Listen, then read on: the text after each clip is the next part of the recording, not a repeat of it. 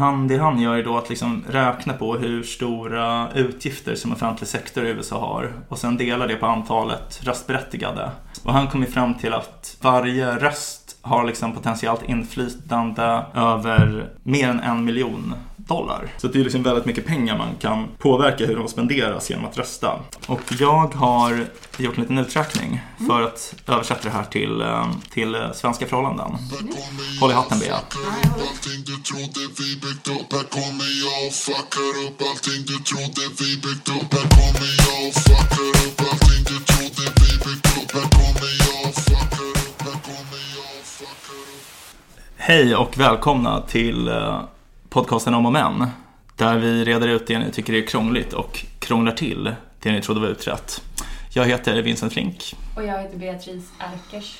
Yes, men du Bea, vad har eh, hänt sen senast vi sågs? Ovanligt lite, skulle Jaså? jag säga. Ja. Mm. Jag har um, hängt lite med dig. Mm. Eh, vi har käkat eh, eh, på Le Kebab, som är vårt stammisställe. Stans bästa kebab. Ja. Jag, eh, jag skulle kunna försöka vara fyndig som du och berätta liksom roliga historier. Det tycker jag. Men jag är, jag är ökänt kass för att berätta roliga, på att berätta roliga historier. Du är bara ödmjuk Bea. Alltså jag, jag brukar verkligen glömma poängen halvvägs in. Men, men jag kan försöka med den här.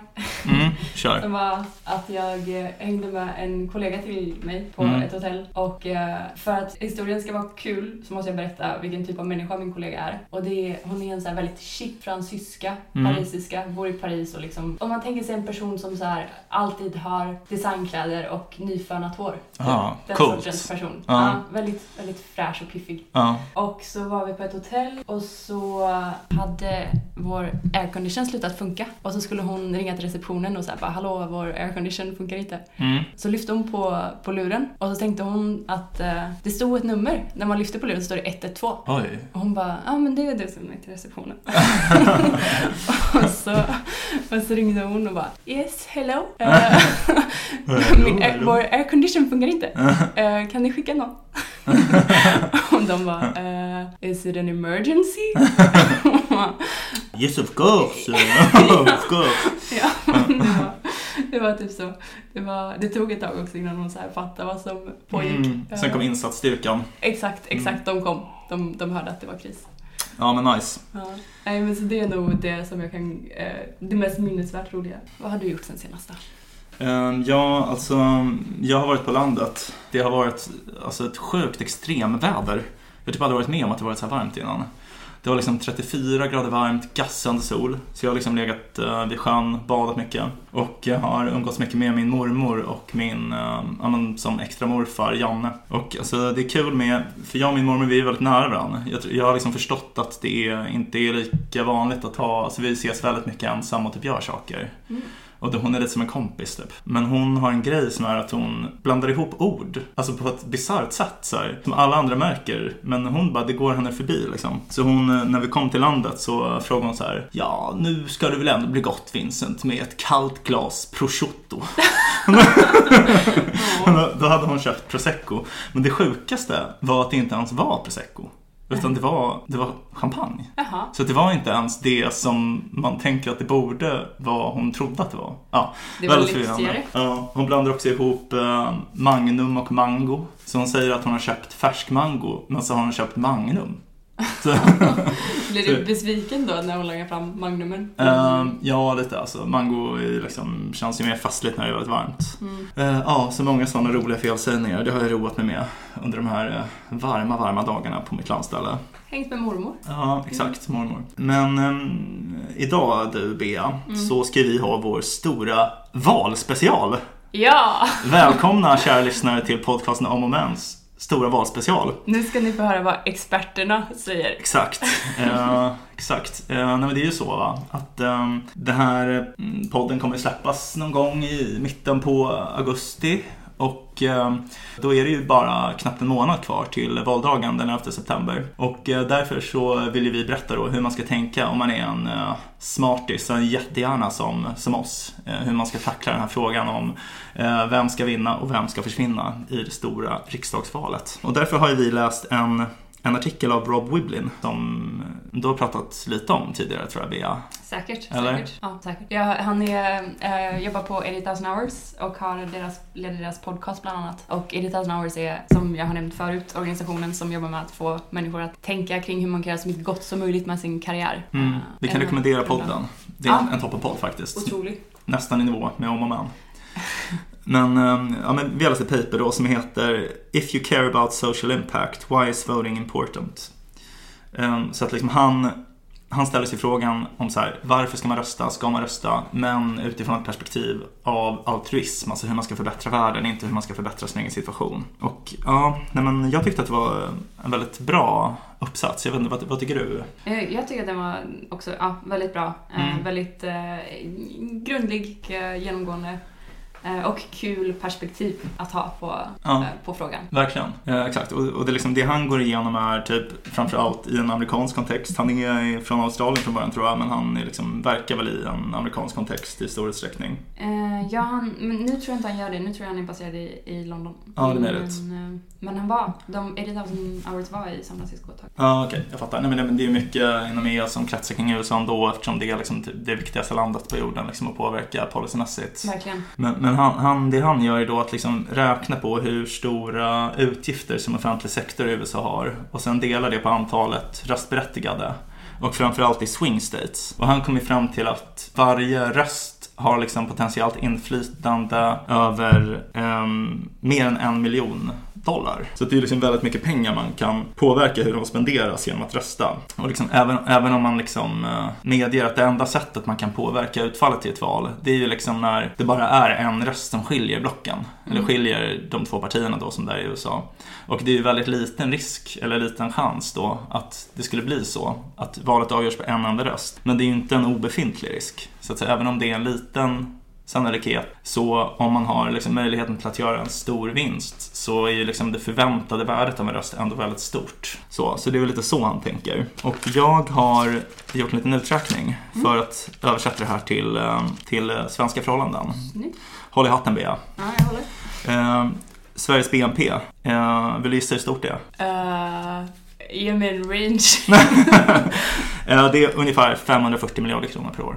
Okej. Eh, svårt att veta. Ja. Eh, Jag visste det inte innan jag kollade upp det. Eh, Och offentliga utgifter, alltså så här, den andelen som staten eh, har kontroll över, det är ungefär varannan krona. Okej. Så ungefär 50 procent. Ja, jäklar.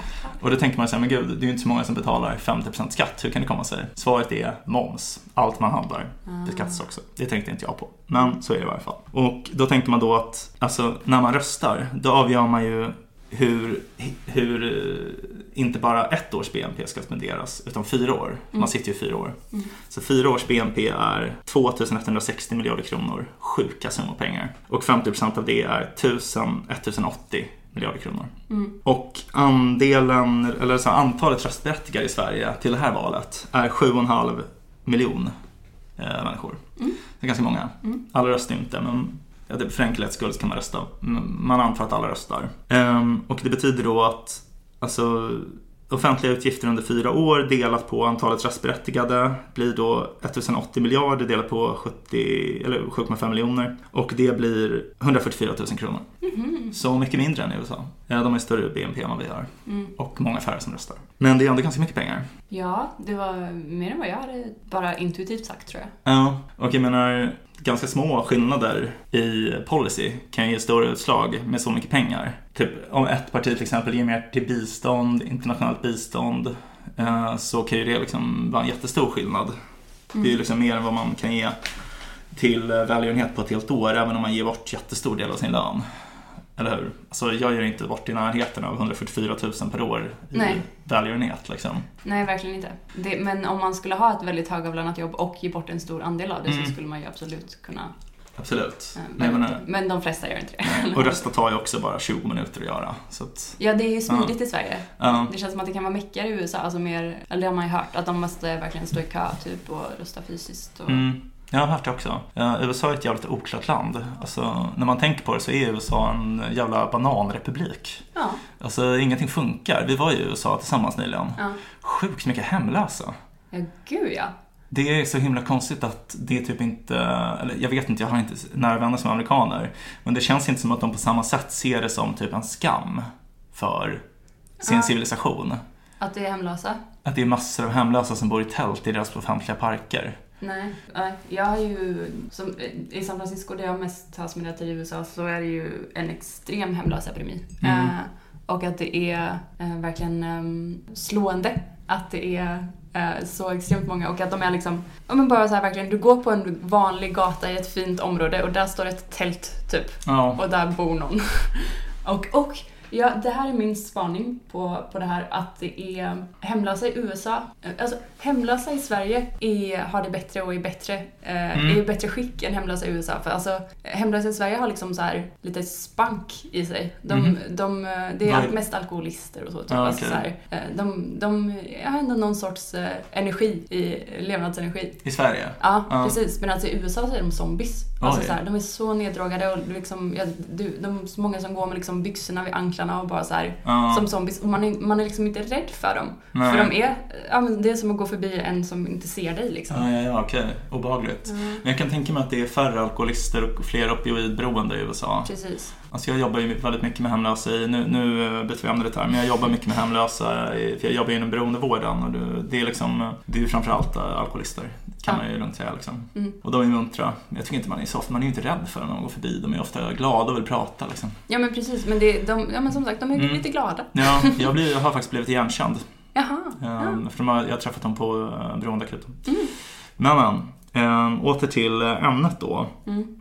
Alltså att om man har inflytande över 144 000 kronor, hur det spenderas genom att rösta och det tar 20 minuter. Då tänker man ju så här att, ja men då borde man ju rösta. Om inte annat för liksom, av, av altruistiska skäl. Ja, och man borde lägga lite tid på att tänka över vad man ska rösta Ja, på. precis. För det är ju det som är problemet. Alltså typ att det är ju bara värt det om man röstar rätt. Om man röstar fel, då har det ju liksom negativ Exakt. påverkan. Och det är så här, många utgår ifrån typ så att man antingen inte röstar, många väljer ju att avstå, Mm. eller så röstar man och då liksom gör man ändå något bra. Gör man det mer troligt att rätt sida kommer vinna.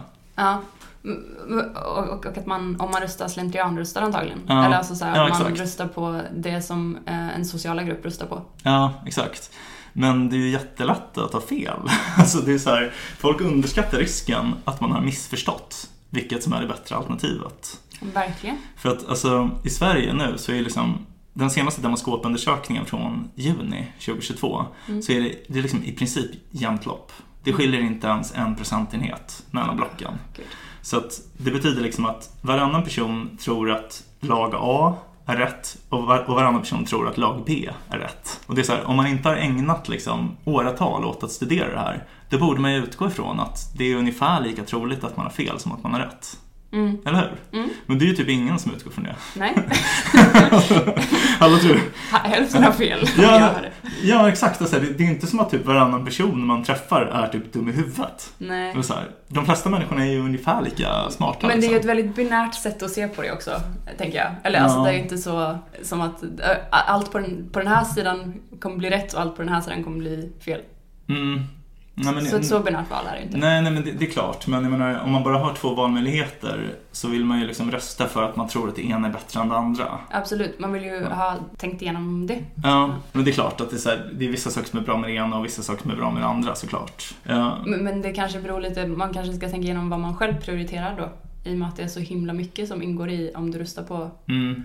Det är sant, det är sant. Så kan man också tänka. Men eh, alltså, jag tycker liksom att jag har fått en lite annorlunda syn på det här. För att jag har bytt åsikt så många gånger. Mm. Alltså, jag, jag har bytt liksom politisk åsikt många gånger. Mm. Jag tror att det är, alltså på ett sätt tror jag i och för sig att det är vanligare än, än vad man tror. Mm. Eh, jag tror bara typ att skillnaden är att jag ofta har pratat om det, typ, att jag har varit så öppen med att jag har bytt åsikt. Mm. Min erfarenhet är att många människor byter åsikt under livet men låtsas som att de aldrig har bytt åsikt. Typ så här, så jag bara, jag har alltid tyckt det här. Det är en klassiker politiker gör ju. Ja, jag tror jag har bytt åsikt också men att jag, jag tror inte jag låtsas som att jag inte har gjort det. Bara att jag så här, jag märker knappt själv när jag byter åsikt, om du förstår. Mm.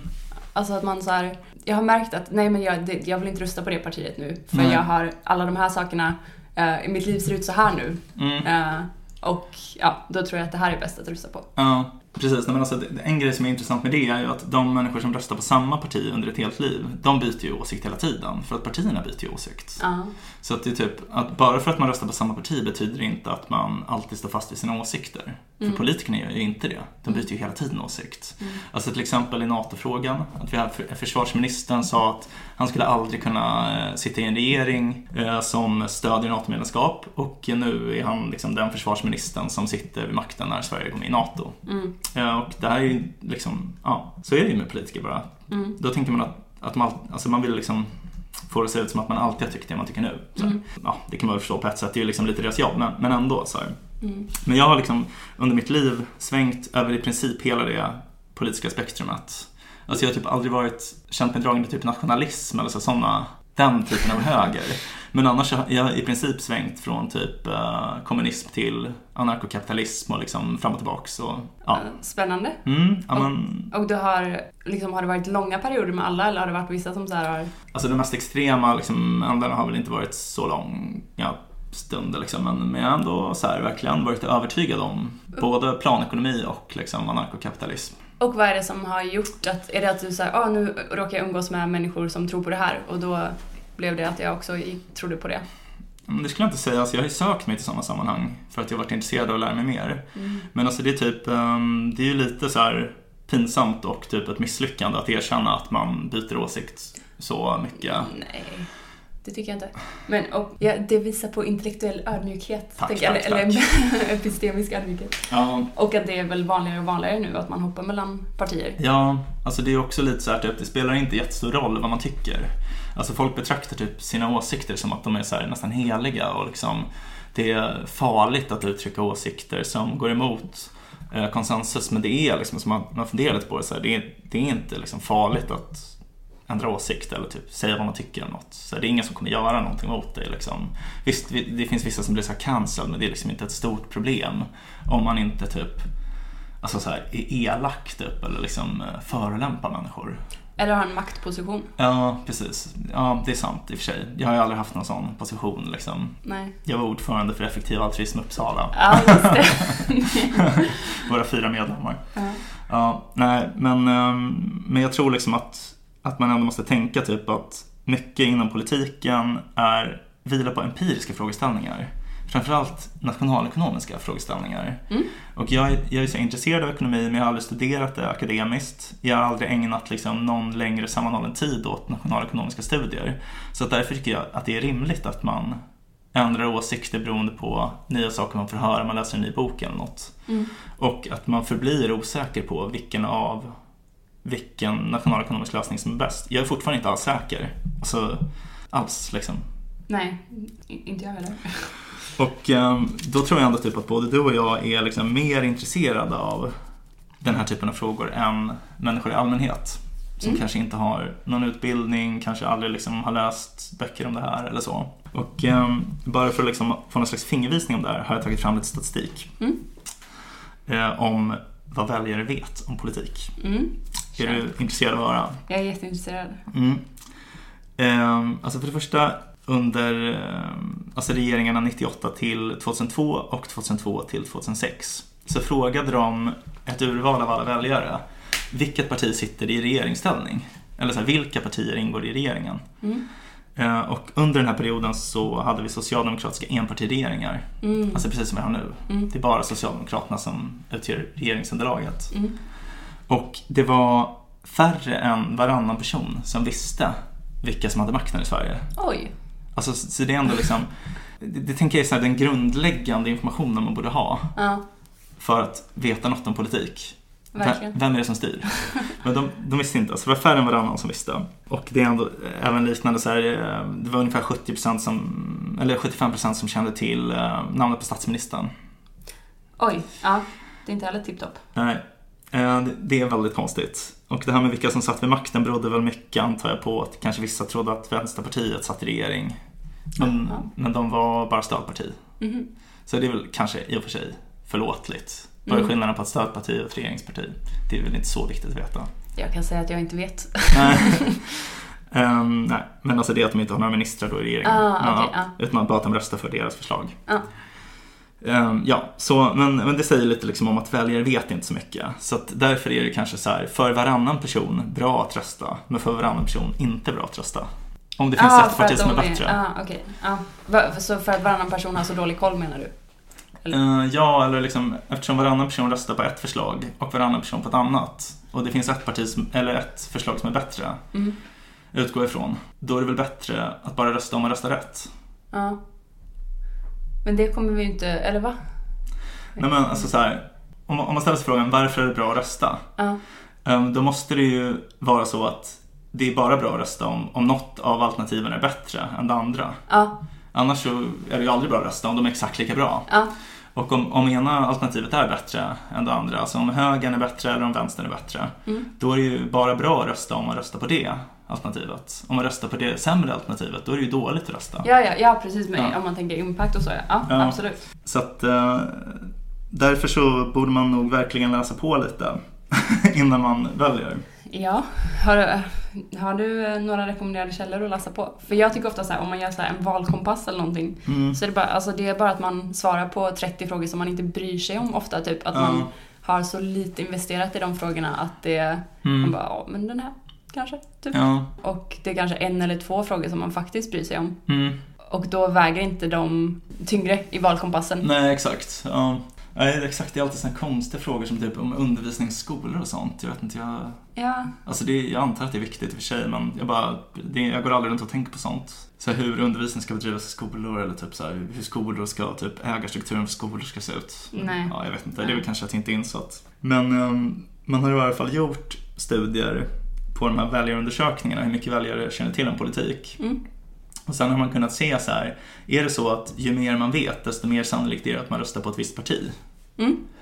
Eh, och det är det. Mhm. Det finns jättetydliga ehm, Ah. men då tänker man så här, ja men det är väl inte så konstigt för att typ de som vet mer, de kanske är mer högutbildade och har liksom ett egen intresse av att vissa sitter vid mak- makten. Ja. Så typ om man korrigerar för inkomst, utbildningsnivå, kön, ehm, om man bor i en stad eller på landsbygden, man korrigerar för massor av sådana saker. Mm. Eh, då kvarstår ändå effekten. Mm. Så det har liksom en egen effekt att vara påläst. Okej. Eh, Vad är effekten? eh, ja, alltså det finns framförallt ett parti som får väldigt många fler röster. Eh, men jag vill inte säga vilket det är. Nej. Nej men det, det känns så här känsligt typ. Okej. Men det man kan säga är att de stora partierna är fortfarande de största. Så typ Moderaterna och S är fortfarande de största partierna. Men vissa av de små partierna krymper väldigt mycket och vissa andra av de små partierna växer väldigt mycket. Ja. Ehm, Så att det är inte så chockerande resultat egentligen. Nej. Men eh, jag tycker bara att det är ganska kul Mm. att tänka så typ. Mm. Ja, men eh, hur har du tänkt då inför valet, Bea? Ja, det, alltså jag, jag är ju... ehm, jag kan extremt lite om politik är alltid min känsla. Mm. Ehm, jag, jag vet att, så här, att ha gått Stureakademin och sånt har gjort att jag kan mer om politisk ideologi nu kanske. Men det är fortfarande, jag hänger fortfarande inte med i så här, den politiska debatten och ehm, allt som händer och svänger inom svensk politik som jag upplever att folk som Ja, men alla de som är engagerade och Mm. jobbar inom politik eller de följer med i, Mm. i liksom den här pendeln konstant. Själv har jag så här, jag försökte ett tag, men och, och just det här med att här, följa nyheter slaviskt, Mm. alltså jag mår piss av det. Ja, det är så himla ointressant. Och att det blir också så här att man märker, ja, Vänsterpartiet säger det jag tänker att Vänsterpartiet ska säga om den här saken, Moderaterna säger det jag tänker att Moderaterna ska säga om den här saken. Mm. Eh, ja, att det bara så här, Det är förutsägbart. ja det är väldigt förutsägbart tycker jag. Mycket talepunkter liksom som de bara ska häva ur sig och... Ja, men så, så inför valet så... Eh, men jag hade hoppats att jag skulle få eh, lite klarhet i den här, när jag läste den här Wiblin-artikeln. Mm. Men det känner jag inte att jag har fått. Alltså jag, jag har ju fått så här, ja, mer press på mig. Ja, att du har insett att det är liksom viktig, viktigare av altruistiska skäl kanske. Ja, precis, precis. Något som jag inte alls egentligen hade reflekterat över innan. Jag, jag har nog mest tänkt på, ja men det är viktigt att rösta för jag tror ändå på demokrati, jag tror på eh, signalvärdet som, Mm. eh, som vi alla, att vi alla ändå så här, men nu kör vi, nu har vi det här systemet och Ja. jag tror att det är viktigt att man engagerar sig och röstar så att det inte blir det här med eh, men lite som vi pratade om i förra avsnittet med Broken Window Theory, att om alla Ja. bara går omkring och nej men do- demokratin är trasig. Ja, Ehm, och då, då slutar folk eh, ens försöka ja just det. tror jag. Medan om man eh, engagerar sig, man eh, röstar, man eh, ja, då, då, och deltar liksom i sam, samhället, mm. Då, då tror jag ändå att man hjälper till att bygga ett engagerat samhälle, är min Mm. förhoppning. Ja, men det, det är kanske sant. Alltså, så här, jag var, mm, har varit liksom eh, fast besluten i att inte rösta i det här valet. Men jag har börjat tveka lite mer nu. Jag, jag kanske ska rösta, men jag gick runt och sa det till många så här, att jag inte skulle rösta bara för att se hur de skulle reagera. Jag vet. Ja, det var med vid ett tillfälle. Ja. Ja, och då fick jag ju veta att jag levde. Ja.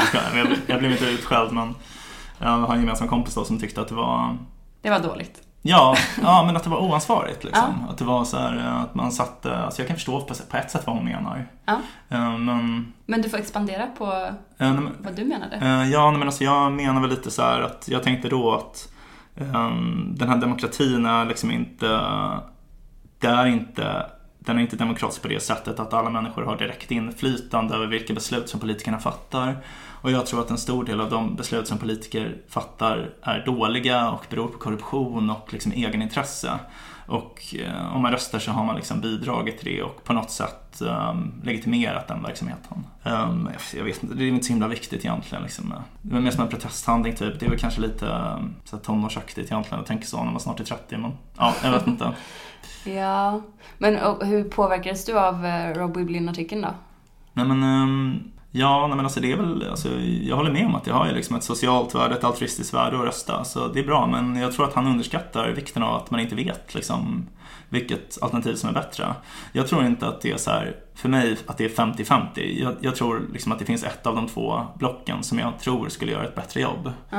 Eh, Men jag är inte, det är inte som att jag är så här 95% säker. Och sånt där. Jag kanske är typ 70% säker, 65% eller sånt där. Mm. Och dessutom så är det ofta så här, de största effekterna är ofta så helt random. Som typ ett exempel som man tar upp är eh, Bush-administrationen, George Bush, den yngre. Mm. Eller alltså George W. Han, ehm, han var liksom inte så omtyckt. Alltså på, go- på goda skäl en ogillad president, framförallt eh, i Sverige liksom. Mm. Eh, på grund av Irakkriget och så.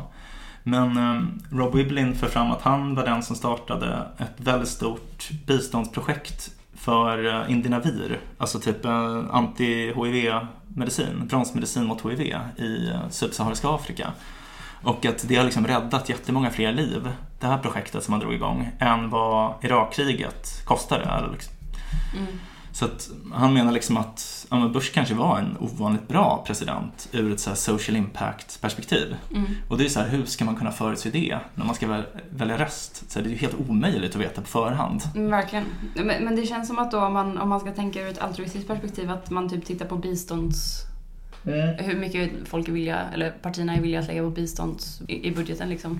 Ja, nej, men det, det är nog en eh, liksom, um, ofta förutsedd Sen- och viktig post. Ja, och sen vet man inte om de pengarna administreras på ett effektivt sätt eller att det... Ja, Alltså man vet nog att de inte gör det, tänker jag. ja alltså, det är sant. det är liksom extremt osannolikt att de eh, går efter typ de mest effektiva uh, välgörenhetsorganisationerna. Japp. Jag är beredd att äta upp min sko faktiskt. jag gör det oavsett. Nej, jag skojar. Nej, men det... Ja, nej, Mm. nej, men absolut. Det, det tror, jag, tror jag inte heller. Nej, eh, extremt osannolikt. Så, så att, nej, men jag, jag tror att jag kanske ska rösta, men eh, Mm. ja.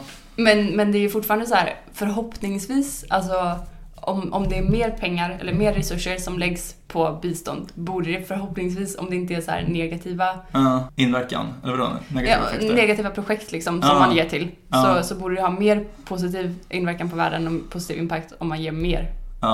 Men om de ger till projekt som har negativ inverkan, Mm. då, då blir det ju dåligt om det är ett projekt som ger mer. ja eh, precis. Jag, jag tror att vi ger, är det 1% av BNP? Ja, men vi har väl Ja. den regeln. Men jag tror att det har varit uppe för, jag tror typ, jag tror det var SD och eh, kanske De Moderaterna. vill öka till 10%. Nej, så- Ja, exakt. eh, som, nej, som vill ta bort, Ta bort allt, eller? inte ta bort allt, men definitivt ta bort 1%-gränsen. Ja, okej. Eller regeln. Ja, kanske det. Men alltså jag tror de är väl för, alltså jag tänker att bistånd, den eh, primära funktionen för bistånd inom politiken är väl liksom för att man ska kunna visa liksom vilka värderingar man eh, själv företräder. Mm. Så att typ att man liksom vill ge bistånd till typ eh, så att kvinnor ska ha tillgång till abort. Mm. Och liksom så här, för att man har liksom feministisk ideologi. Eller liksom att SD kanske är mer för typ att stödja Ukraina. Mm. Eh, alltså, ah, jag vet inte. Man Mm. visar liksom vad man själv tycker genom sitt bistånd. Eller, alltså, det är klart, man har väl liksom goda bevekelsegrunder också säkert. Men att det är delvis det i varje fall, tror jag. Ja, men det tror jag också. Men, ja, så, nej, men jag tycker ändå att det är liksom på ett sätt eh, okej att inte rösta. Alltså jag tycker att vårt samhälle har, lägger för stor vikt vid röstandet. Okej. Va, men vad, vad tror du om liksom så här... Är det att du ser alternativ till vårt nuvarande system som är bättre då? Ehm, jag tycker att politiker ska ha mindre makt i allmänhet. Vilka ska ha makt? Ehm, människor över Så, sina, över sina egna liv liksom. Men som, Mm. okej, så inte mer att vi ska ha ett system som i Schweiz, att det är en ännu mer direkt demokrati, utan... Ja, jag vet inte, så jag är inte alls insatt i hur deras system ser ut, men det kanske är bättre. Alltså jag tror att demokrati, direktdemokrati är liksom, funkar bra i små Ja, eh, sammanslutningar, men inte när det är liksom 10, mil- 10 miljoner människor. ja. Men eh, så. Men, men jag- jag menar bara typ att det är någonting konstigt med att man tycker att det är så viktigt att rösta, men att man tycker att det är dåligt att inte rösta, även om man hade röstat på motståndarsidan.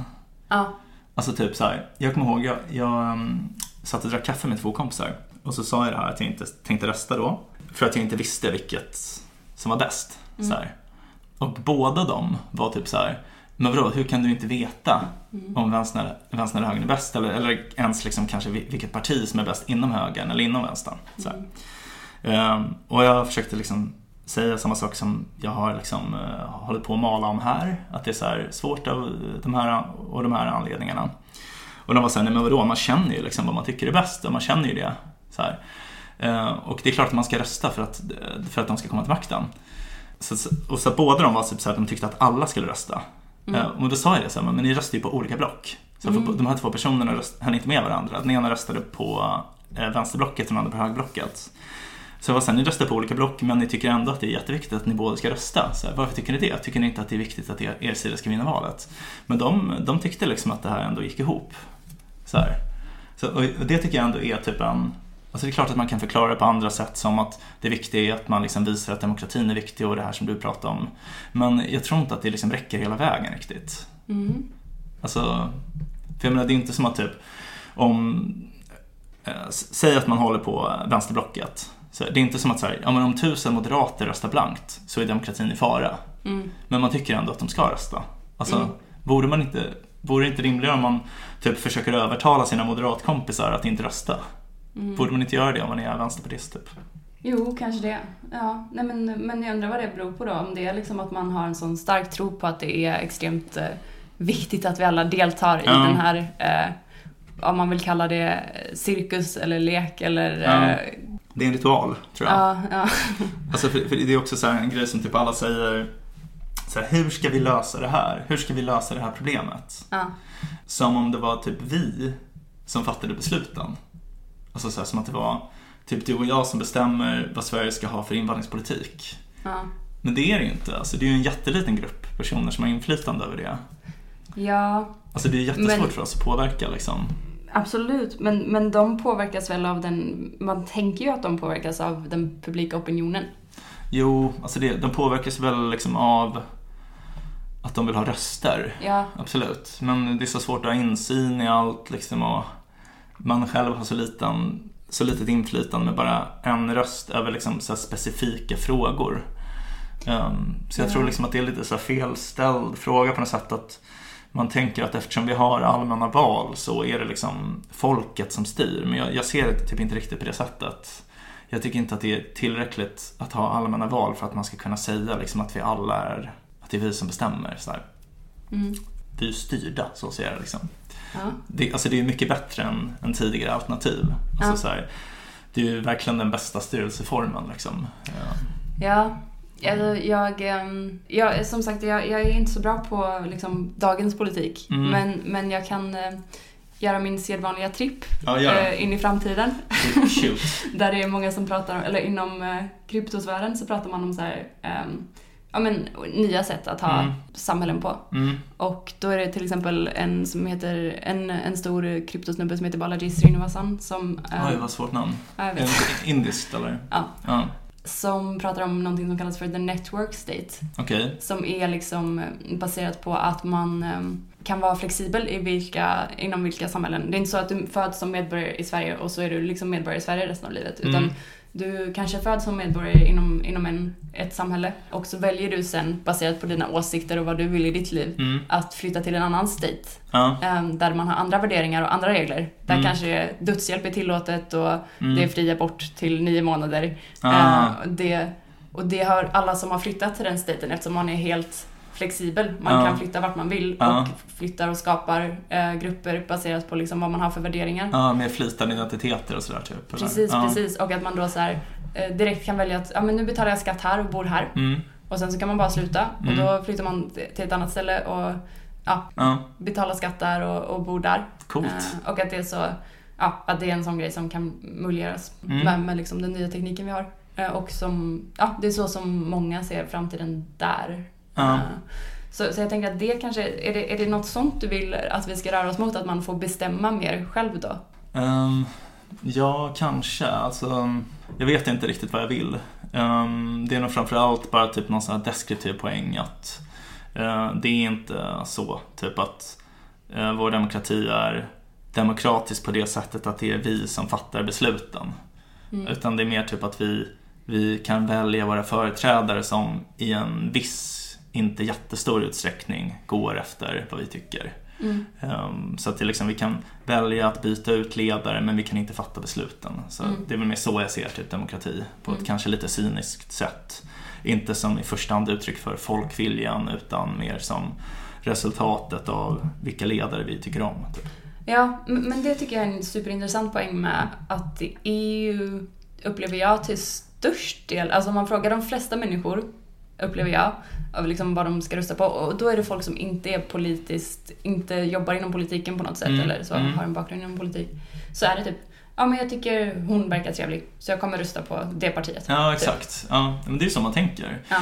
För jag menar, det är ju inte, på, ett, alltså på ett sätt är det ju inte så konstigt för att man tänker så i alla andra fall där man ska liksom, ja, liksom välja en företrädare. Mm. Alltså typ så här, um, om du och jag drev ett företag och någon skulle sitta i receptionen då skulle vi liksom välja den som, som verkade pålitlig och så här, Mm. verkade gö- göra ett bra jobb. Mm, och så här. vars omdöme man Ja. litar på mest. Ja, exakt. Men um, det finns ju lite roliga alltså, tv-program och sådär där de intervjuar politikerna. Mhm, Jag har kollat på ett ja. som är liksom lite mer eh, laid back och oseriöst. Mm.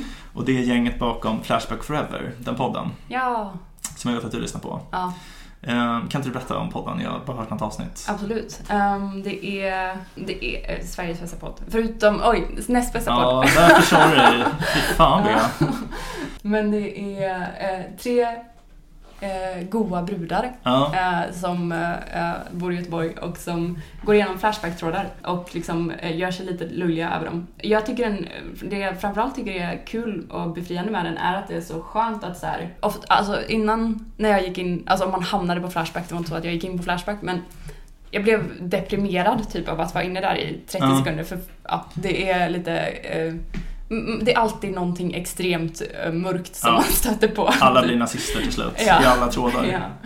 Eh, och, och det är bara så kul då att så här, eh, lyssna på tre, tre kvinnor som Mm. så här, gör sig... Allting blir humor, typ. Ja. Och man kan skratta åt alla troll, typ, på Flashback. Så, så de går igenom Flashback-trådar, helt enkelt. Och driver med dem. Ja, men då, nu har de gjort en SVT Play-serie Mm. som heter Valet Forever. Nice. Och där intervjuar de politiker, framförallt partiledare, och liksom eh, läser upp för dem saker som skrivs om dem på Mm, Flashback. Och så, nej, här, vad och så får de reagera på det. Ah. Eh, och jag, alltså jag har bara hunnit se två avsnitt. Jag såg med Ulf Kristersson eh, och med Nooshi Dadgostar. Det var de två första. Gud vad kul. Jävligt roligt. Och eh, Ulf Kristersson han är ju liksom eh, mycket äldre än Nooshi, liksom så gammal i gamet och liksom, han får till och med in några av sina talepunkter och är så ganska avslappnad märker man. Så han, han, han, tar liksom, han tar all skit liksom. Mm. Ehm, och, eh, men Nooshi tycker jag var väldigt rolig för att jag har aldrig sett henne prata innan. Jag har aldrig sett liksom, någon intervju med henne eller någonting. Men jag har typ så här. Alltså det här låter lite oklart kanske, men hon är ju ganska ung, eller hur? Mm. Jag vet inte hur gammal. Hon är några år kanske äldre än oss. 30-40? Men alltså, 40 kan hon väl inte vara? Okej, 30 någonting Ja, då. nej, men jag tänkte, ja, hon måste vara typ i vår ål- ålder. Ja. Men, men hon, Nej. eh, fan vad sjukt, hon är 40. Men hon har ju barn och grejer. Va, har hon? Ja. Eh, hon, är, ja men hon är åtta år äldre än oss. Hon är född 85. Okej. Ja, okej. Nej men, jag, jag, jag kommer ihåg när hon tillträdde att jag tänkte så här, ja men hon verkar typ som någon som man nästan skulle kunna vara kompis med. Eller hur? Mm. Alltså, så här, ehm, jag, jag tyckte det var kul att se det här programmet. Men hon, alltså hon var så jävla oklar. Hon var sjukt mycket mer oklar än vad jag trodde. Alltså, för hon, man märkte att hon tyckte jättemycket om de här brudarna. Alltså som har det här. Mm. Och de är alla från Gbg, Ja. vilket även hon är. Ah. Så att i början så var hon typ så här, ja, eh, jag tycker det är viktigt med att prata rikssvenska. Men sen så stegvis så började hon prata mer och mer så här och, eh, och liksom eh, bli mer och mer eh, göteborgsk, eh, göteborgsaktig. Ah. Och i slutet så var det liksom en, en grej som var så att de läser upp något som antingen syftar på, vad fan var det? Göte, antingen syftar det på göteborgare, alltså en fördom om göteborgare på Flashback, eller en fördom om så vissa av de där grejerna var så ganska grova ändå med tanke på att hon ändå är en så väldigt seriös person, liksom politiker. Så det var någon som var typ så att de sa att Vänsterpartiet är ett parti för bögar och allergiker. Mm. Eh, Ja, vi kanske får bit på det här, jag vet inte. Var det, det var om, om Vänsterpartiet då? Det var Ja. inte om göteborgare? Ja, det var Nej. Vänsterpartiet. Alltså, det var någon på Flashback som hade skrivit då. Och hon, röstade, eh, hon gissade rätt. Eh, Men den sista var så här typ, alltså det var också ganska grovt, jag minns typ inte vad det är. Det borde jag ha kollat upp innan, men alltså det, var, det var typ så här, ja, idioter som eh, bara lever för dagen och inte fattar vad som försiggår, eller något sånt där. Ja. Och då bara såg man hur hon så här kugghjulen snurrade i hennes huvud liksom. Och sen bara, hon så här blundade, sen bara sken hon upp så här och bara Dela båda gumman! så då hade hon liksom förvandlats till någon så här feskig kyrka. Liksom. ja, det var, ja, hon verkar skön faktiskt, tycker jag. Vad- men vad sa Ja. de om, eh, vad var liksom fördom om typ Ulf Kristersson på, eller vad? Eh, men alltså det är mycket att han är kort, eh, att han har mm, vältränade vader. Jag vet jag minns inte. Så han var ganska Mycket sånt som påverkar politiken. Ja, nej. Det var någon som hade gjort ett anagram av hans namn som tydligen blev Slinkors första. Jaha. Ganska roligt. De, de gjorde en t-shirt som det stod Slinkors första på som han tog på sig. Ehm, Ja, men han var alltså...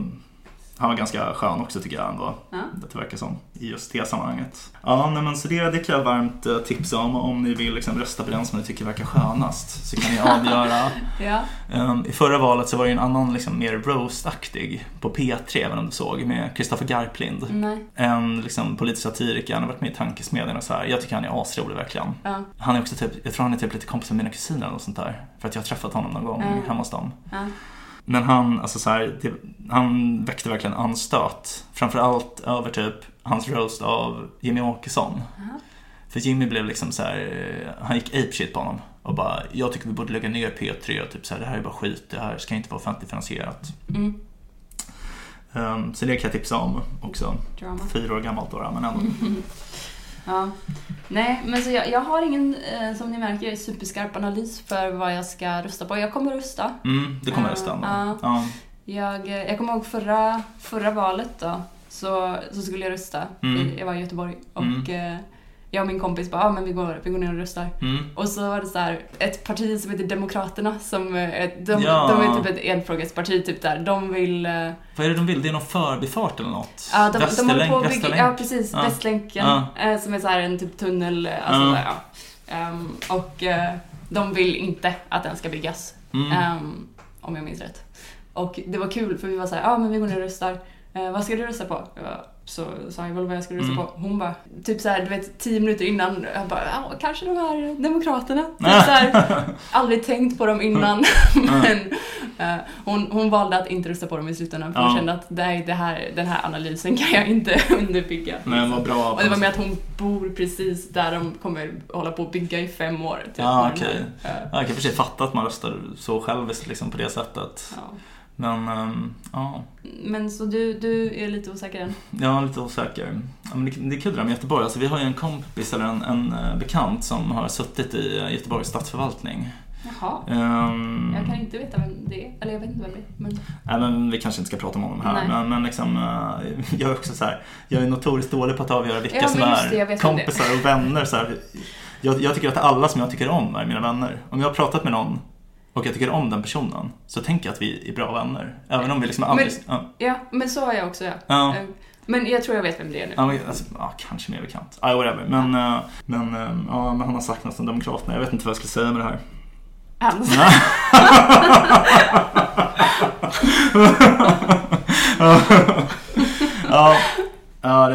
på eget grepp. Men, ehm, ja. Nej, men man, man kanske borde rösta ändå. Ja. Det... är det slutsatsen av vår valspecial? Man kanske borde rösta. Um, nej, men jag, alltså, jag har en sak till att säga Ja, ja. om liksom, värdet med att rösta. Nu har vi gått igenom liksom, att rösta av altruistiska skäl, Mm. att rösta av egoistiska skäl, alltså för att man liksom vill få inflytande på, alltså man vill att den sidan ska vinna som gynnar en själv mest. Mm.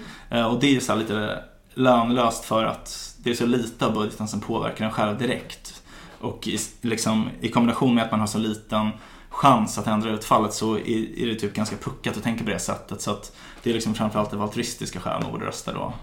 Alltså, ja, okej. Eller? Ja, nej, men jag ser saker som kan påverka min ekonomi ganska direkt. Nej, men alltså, du kan ju, alltså så här, din ekonomi är en jätteliten del av allt som politikerna gör. Ja, men jag tänker mer av egoistiska skäl. Så är det ju roligare för mig att ha en bra personlig ekonomi. Jo, privatekonomi. visst. Men det är ju bara typ en på Alltså en miljon att du liksom... egoistiskt, men det är så jag tänker. Jo, visst, men det är, det är ju bara typ en på miljonen att du kan påverka utfallet. Nej, men, eh, nej, men alltså, en annan anledning till att rösta, eh, som jag tror eh, kanske underskattas lite, är att rösta är liksom ett sätt att visa grupptillhörighet. Att liksom eh, visa lojalitet med en viss grupp. Mm. Och att det kan också vara kul. Vissa kanske ses några kompisar eller man går med sin partner och röstar. Man kanske typ dricker, eh, tar en öl efteråt eller något, så här, firar att man har röstat. Mm. Och pratar om så här, ehm, liksom att ja, vi röstar på rätt sida, ja, vad bra, vi, vi är sådana som tycker så här och så här. Eh, så att det kan vara liksom som en teambuilding-aktivitet. Mm. Så att eh, det kan jag rekommendera. om, man liksom, om ni vill bli bättre kompisar med, med några av era vänner, liksom, bjud, bjud in dem, gå och rösta tillsammans. Det är förmodligen liksom, politiskt meningslöst men ni kan åtminstone bli bättre kompisar. Du får försöka hitta ett gäng anarkister som inte vill rösta då. Ja. Och bonda med dem. Ja, vi är inte så många. Nej. Men ehm, ja, det finns väl någon gammal anarkist. Alltså jag har faktiskt ehm, en anekdot om just anarkister. Berätta. När jag studerade filosofi i Uppsala då var jag liksom väldigt intresserad av politik och så var liksom i ett skede av mitt liv där jag bytte åsikt typ varannan dag. Så. Mm. Jag var intresserad av anarkism och liksom, eh, radikala rörelser. Och ehm, jag pratade om det här på ett seminarium om eh, Kropotkin, en anarkist. Mhm. Eh, och Bra efteråt... anarkistnamn. Ja. ja, men han är cool. Han var liksom en greve som blev eh, anarkist. Ja. Eh, häftig. Eh, och också höll på mycket med evolutionsbiologi. Vi kan prata om honom i ett annat avsnitt kanske. Ja. Men efter det här seminariet så var det en man som kom fram till mig. Jag hade aldrig pratat med honom innan. Han hade långt stripigt hår, en liten mustasch. Och jag hade sett honom tidigare dricka vodka under seminarierna. han hade alltid varit tyst innan. Men han kom fram till mig när jag liksom beställde kaffe. Jag stod ensam. Han bara Du, Vincent.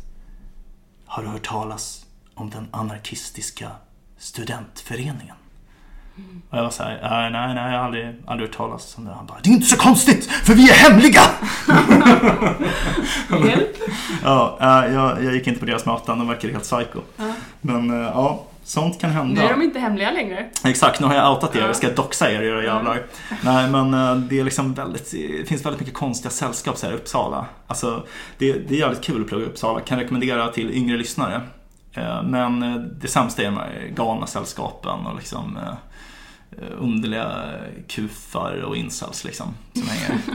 Ehm, Ja, de, de, de, eh, det låter inte jättekul. Nej. Ja, nej, men det är väl det vi har att säga om rösta. Ska vi sammanfatta lite vad det är vi har sagt?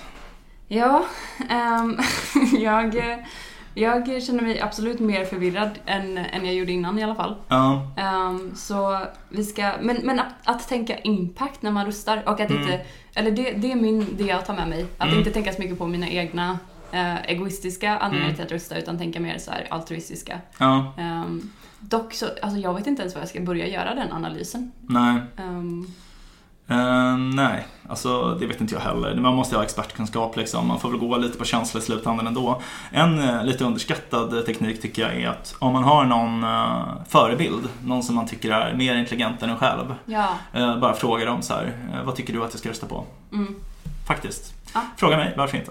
ja. Men, ehm, ja. Rob Wiblin hade väl också som en, en grej som man skulle kunna göra, men det känns inte som att det så, funkar kanske inte så bra för Sverige, men just det här att kolla på eh, utländska opinion polling. Alltså inte, ehm, Just det. eh, inte inrikes utan sådana som har gjorts eh, ut, utomlands. För de påverkas också av utfallet, men det är kanske mer relevant för Amerika än ja, Sverige. Ja, vi är för små. Eh, I och för sig invandringspolitik, Ja, men ehm, ja. Ja. Nej, men eh, jag håller med. Alltså, liksom, jag tror att det finns skäl att rösta av altruistiska skäl. Det finns skäl att rösta av eh, liksom, teambuilding-skäl. Mm. Ehm, men inte egentligen av själviska skäl. Det tror jag är lite en ehm, ja, men, eh, ja, men irrationellt. Typ, att man, man kan inte påverka sin egen situation genom att rösta så himla mycket. Liksom. Mm. Så det är, väl, det är väl det. Och att det ändå inte är så farligt att inte rösta. Även om man kanske i slutändan borde göra det. Så tycker Ja. jag. Ja, det är väl typ slutsatsen. Ja, ehm, och innan vi eh, säger hej då för idag så eh, vill, vill jag bara flagga lite för att vi har en mejladress där man kan eh, komma in med lyssnarfrågor. Eh, Ni kanske har något ämne som ni tycker att vi borde prata om, krångla till. Eller om ni bara har någon invändning mot något jag har sagt. Om ni tycker att någon av oss har en ful röst eller något. Bara vill förolämpa oss. Ni kan skicka det anonymt. Ehm, Vi kommer svara på alla mejl, det lovar jag. Ehm, Adressen är om och men at gmail.com. Alltså om och i ett ord at gmail.com. Ehm, Så ja, skriv gärna till oss.